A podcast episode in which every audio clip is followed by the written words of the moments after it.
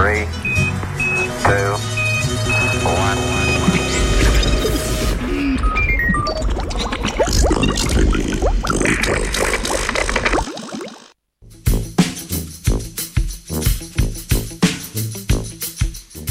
Ali te tvoji bogati prijatelji spravljajo v depresijo?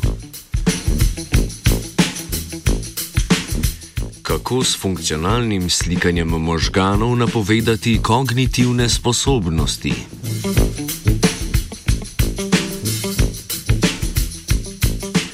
V tokratnem sredinem Britofu boste izvedeli, zakaj je dobro previdno izbirati družbo in kaj novega nam lahko pove neuroznanost o naši inteligentnosti.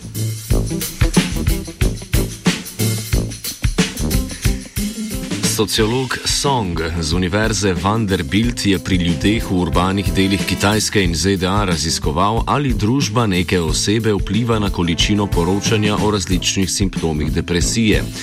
Prav tako ga je zanimalo, kakšno vlogo v tem primeru igra kultura, saj je predpostavljal, da je njen vpliv velik.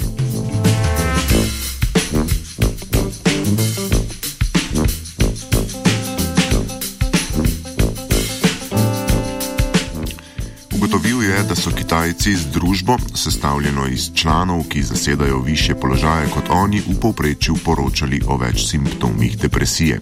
Po drugi strani so Američani poročali o manjšem številu depresivnih simptomov, kadar je bilo v njihovi socialni mreži več ljudi z višjimi položaji.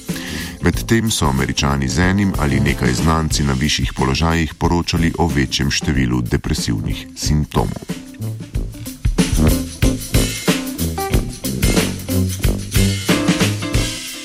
Raziskovalna skupina z Univerze Yale je v raziskavi objavljeni v Nature Neuroscience odkrila način za napovedovanje posameznikove inteligentnosti. V prvem delu raziskave so na podlagi slik človeških možganov s funkcionalno magnetno resonanco pokazali, da lahko z njo identificiramo točno določenega posameznika iz velike skupine ljudi. Naše funkcijske povezave v možganih se torej razlikujejo tako kot naši prstni odtisi.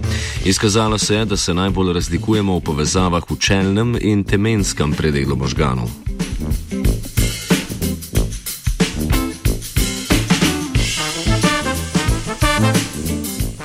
Drugem delu so prišli do spoznanja, da prav funkcije, funkcijske povezave v možganih, v katerih se posamezniki med seboj najbolj razlikujemo, napovedujejo nivo nekaterih kognitivnih sposobnosti.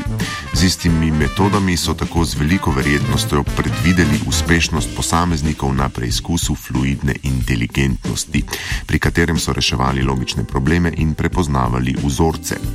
Napovedna vrednost funkcionalnega slikanja za zdaj še ni zadostna za nadomestitev drugih preizkusov inteligentnosti.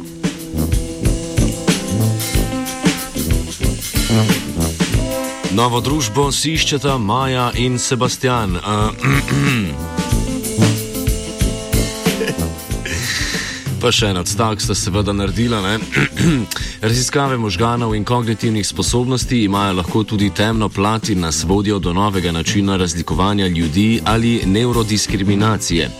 A avtori pričujoče raziskave so se osredotočili predvsem na njihov prispevek k razvoju zdravljenja vsakega posameznika glede na njegove edinstvene biološke lastnosti.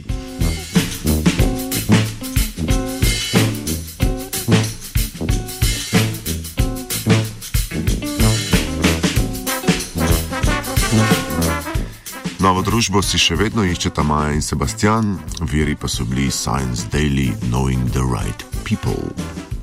Jo, jo, jo, That always radio helps, študent.